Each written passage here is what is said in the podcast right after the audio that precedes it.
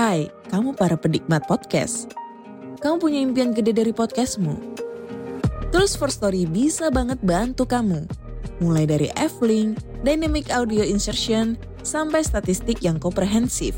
Semua ada di First Story. Gak ketinggalan kamu bisa monetisasi podcastmu lewat iklan dari First Story Ads yang bisa kasih kamu penghasilan dari setiap place podcastmu. Yuk gabung sekarang dengan klik di firststory.me. Sekali lagi, klik di firststory.me. Mari kita bawa mimpi podcastingmu menjadi kenyataan. Hello? Hello? Podcast Network Asia. Halo semua pendengar mitologi santuy, podcast yang ngebahas mitologi dengan cara yang santuy. Minggu lalu kita udah ngebahas tentang asal mula domba emas, silsilah Jason dan juga perselisihan keluarga yang bikin kalian puyeng pastinya. Ditambah lagi dengan motivasi Hera yang berperan besar dalam petualangan Jason. Buat kalian yang belum dengerin episode yang lalu, beneran deh, lebih baik kalian dengerin dulu sebelum dengerin episode yang ini.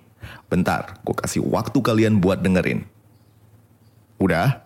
Oke, mari kita lanjut. Episode terbaru dari petualangan Jason, Jason, pahlawan setengah nyeker.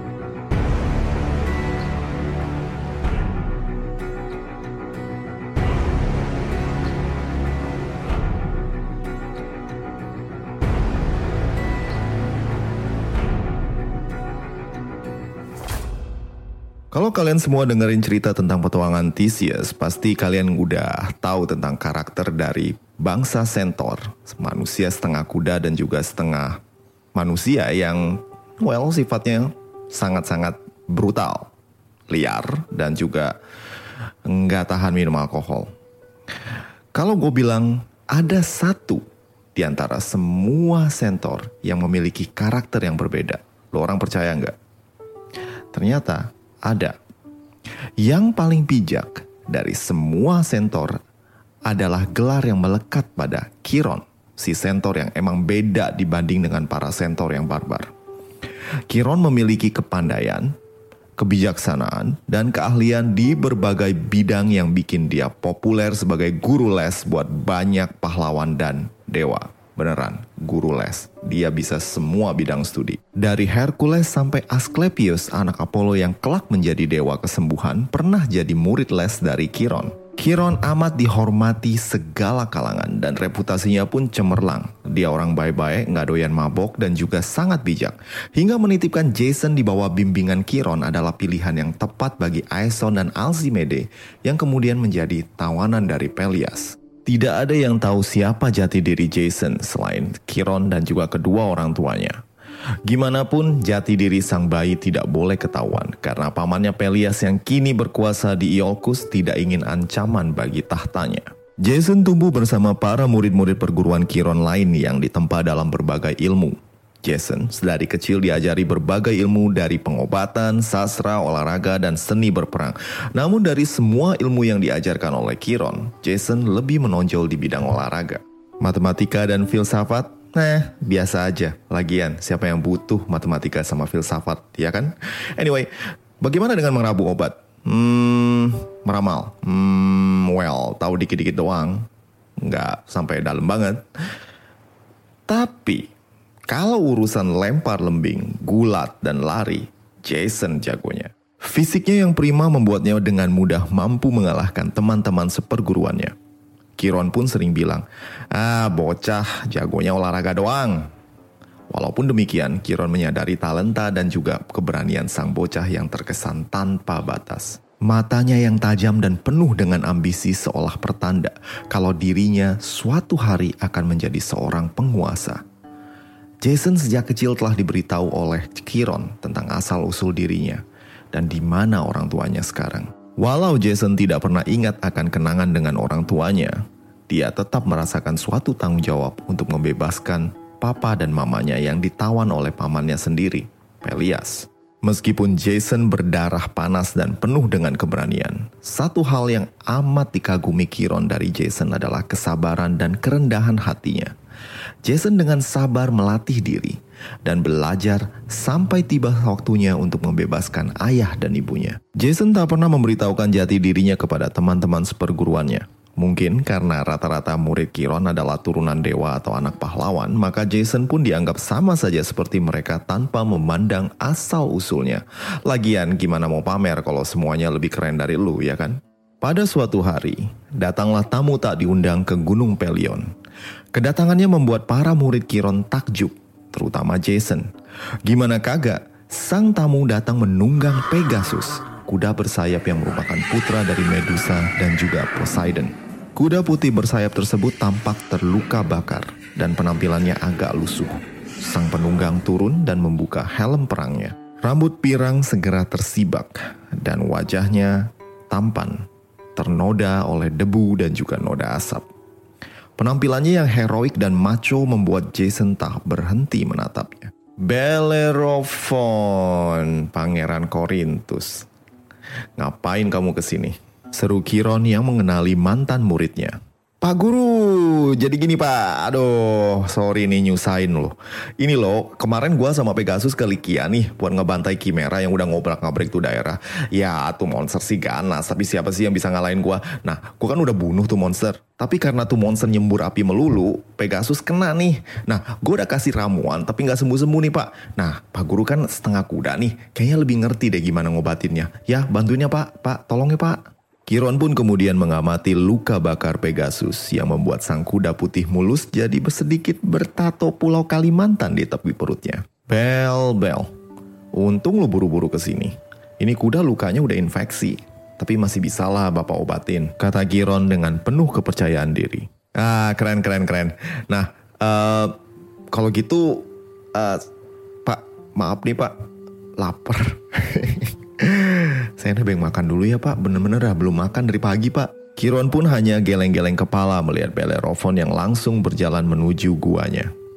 Jason mengikuti Bellerophon bagaikan ABG yang baru ngelihat artis K-pop lewat. Dengan penuh semangat, Jason menyiapkan makanan untuk si pahlawan yang kemudian menceritakan cerita petualangannya di Likia. Jason dengan mata berbinar menikmati cerita Jason dan tak terasa. Tiga, no, empat, Hmm, lima jam pun berlalu tanpa terasa. Cerita panjang lebar Bellerophon pun terganggu oleh langkah Kiron yang menghampiri mereka. Oi, tuh Pegasus sudah bapak obatin. Nih, olesin tiga hari sekali. Wait, tunggu. Sehari tiga kali. Dan tuh kuda jangan diajak terbang jauh-jauh dulu ya. By the way, Bellerophon, lu mesti inget sama dewa-dewa yang udah ngebantuin lu sampai sekarang. Jangan sombong.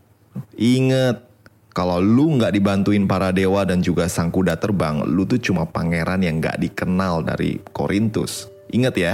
Mendengar nasihat Kiron, Bellerophon cuma menampilkan ekspresi ngeledek dan tersenyum kepada Jason yang tertawa melihatnya. Bellerophon kemudian terbang bersama Pegasus kembali ke Likia. Sementara Kiron hanya bergumam, "Ah, anak muda selalu sombong." Tak mau belajar dan terlalu percaya diri. Suatu saat, kepercayaan diri yang membuatnya sukses mungkin akan membawanya jatuh. Kata-kata bijak Kiron tidak terdengar oleh Jason yang masih terpukau menatap kepergian Bellerophon dan Pegasus ke arah timur. Pertemuannya dengan pahlawan dari Likia ini semakin menambah niat sang bocah untuk terus berlatih mencapai gelar pahlawan seperti Bellerophon. Kegagahan dan segala ceritanya tentang petualangan di negeri timur yang misterius membuat Jason bersemangat ingin juga menjadi seperti idolanya. Apalagi Jason tahu bahwa dia memiliki alasan untuk menjadi seorang pahlawan. Dia adalah pewaris tahta Iolcus dan suatu hari nanti dia akan kembali untuk menuntut haknya. Sementara itu di Iolcus, Pelias yang selalu parno dan takut akan tahtanya direbut oleh orang lain, menangkapi siapa pun yang berhubungan dengan Aeson, sang raja yang sah. Walau telah menawan Aeson dan juga Alcimede di penjara, Pelias masih merasa kagak tenang karena tahtanya berada di atas klaim yang lemah. Pelias kemudian pergi ke Oracle Delphi dan bertanya akan kelanggengan tahtanya. Oracle menjawab dengan kalimat, Berhati-hatilah dengan orang yang memakai sendal cuma satu. Nah, gimana gimana? Hati-hati sama orang yang pakai sendal cuma satu. Apaan sih? Nah kayak gini nih yang bikin gue males ke Oracle buang-buang kambing doang. Demikian gumam dari Pelias. Tahun demi tahun berlalu, dan tibalah Jason yang telah beranjak dewasa untuk meninggalkan perguruan Kiron dan memenuhi takdirnya. Jason sekarang adalah pria tangguh dengan sorot mata yang karismatik dan kemampuan tempur yang mumpuni. Mungkin dia tidak sekuat Hercules, selicik Theseus atau secepat Bellerophon, tapi Jason memiliki karisma seorang pemimpin yang membuat banyak pahlawan kelak mau bertempur bersamanya. Jason meninggalkan Gunung Pelion dan berangkat sendirian menuju Iolcus untuk menagih haknya sebagai pewaris kepada pamannya, serta menuntut pamannya untuk membebaskan kedua orang tuanya. Kalau lu pikir Jason bakalan datang bawa pasukan dan menyerbu Iolcus, atau mungkin diam-diam menyelinap ke istana lalu membunuh pamannya dan merebut tahta. No, ini bukan cara Jason. Jason punya rencana yang lebih keren dan lebih berani, yaitu Jason berencana untuk minta baik-baik kepada pamannya. Ya, lu nggak salah denger. Dia berniat datang ke istana Pelias dan bilang, Om, ini tahta punya gua om. Om kan udah lama jadi raja, so om pensiun aja dan hidup baik-baik. Oh iya om, tolong lepasin bapak dan emak gua oke? Okay? Ya, ya. Rencana simple nan belak-belakan yang dipikirnya bakal berhasil. Tentu saja Orang bego mana juga tahu kalau rencana kayak gini gak bakalan berhasil. Lagian kalau beneran berhasil juga ini ceritanya bakal tentang Jason meminta tahta. Udah stop, udah gak ada lanjutan lagi dan gue males banget bikin cerita kayak gini. Ternyata dalam versi yang gue tahu, Jason sebenarnya hanya ingin melihat apa reaksi dari pamannya. Sementara itu Hera yang berada di Gunung Olympus telah mendapatkan kabar dari pelayannya Iris tentang kepergian Jason dari Gunung Pelion dan rencananya untuk merebut tahta Pelias. Mengetahui karakter Jason dan Pelias, Hera pun tidak tinggal diam. Jason terlalu lurus sementara Pelias terlalu licik. Jason yang ingin Hera gunakan sebagai alat untuk membalas dendam kepada Pelias bisa berumur pendek jika rencana simpelnya itu dijalankan. Something has to be done tapi aku harus memastikan Jason adalah pria yang tepat. Demikian pikir Hera. Sementara itu Jason pun semakin dekat dengan Iolcus. Pahlawan kita ini ngaso sebentar di pinggir sungai. Sambil makan apel sebelum melihat seorang nenek-nenek hendak menyeberang sungai. Si nenek kelihatan bingung dan juga pikun.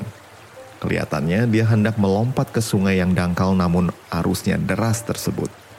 Jason yang emang berjiwa kesatria dan juga suka menolong, segera menghampiri si nenek dan menawarkan bantuannya. Nek, jangan sembarangan nyebrang ya nek, nanti kelelep loh. Nih, aku bantuin nyebrang yuk, naik ke punggungku ya nek. Si nenek tak ragu untuk naik ke punggung Jason yang lebar. Jason dengan perlahan menyeberangi sungai yang cuma sepahat tingginya.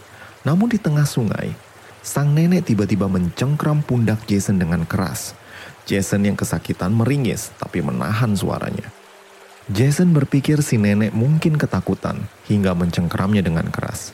Tapi aksi cengkram si nenek membuat Jason nyaris jatuh dan berakibat sendal kirinya terlepas, hanyut terbawa oleh sungai. Setibanya di pinggir sungai, sang nenek mengucapkan terima kasih dan minta maaf karena ulahnya sendal Jason hanyut sebelah.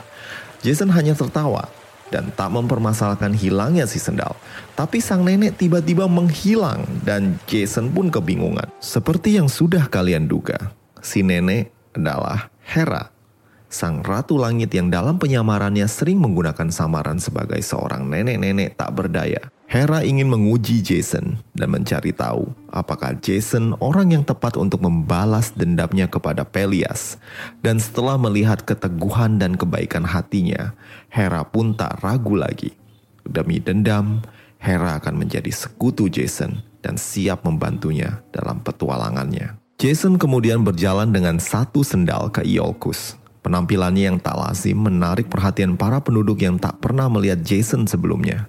Siapa pemuda tampan nan kekar ini? Wajahnya nggak asing, tapi siapa ya? Berasa pernah lihat nih. Tapi ah, mana ada pria segagah ini di Yolkus. Pakaiannya juga unik. Dari kulit macan tutul.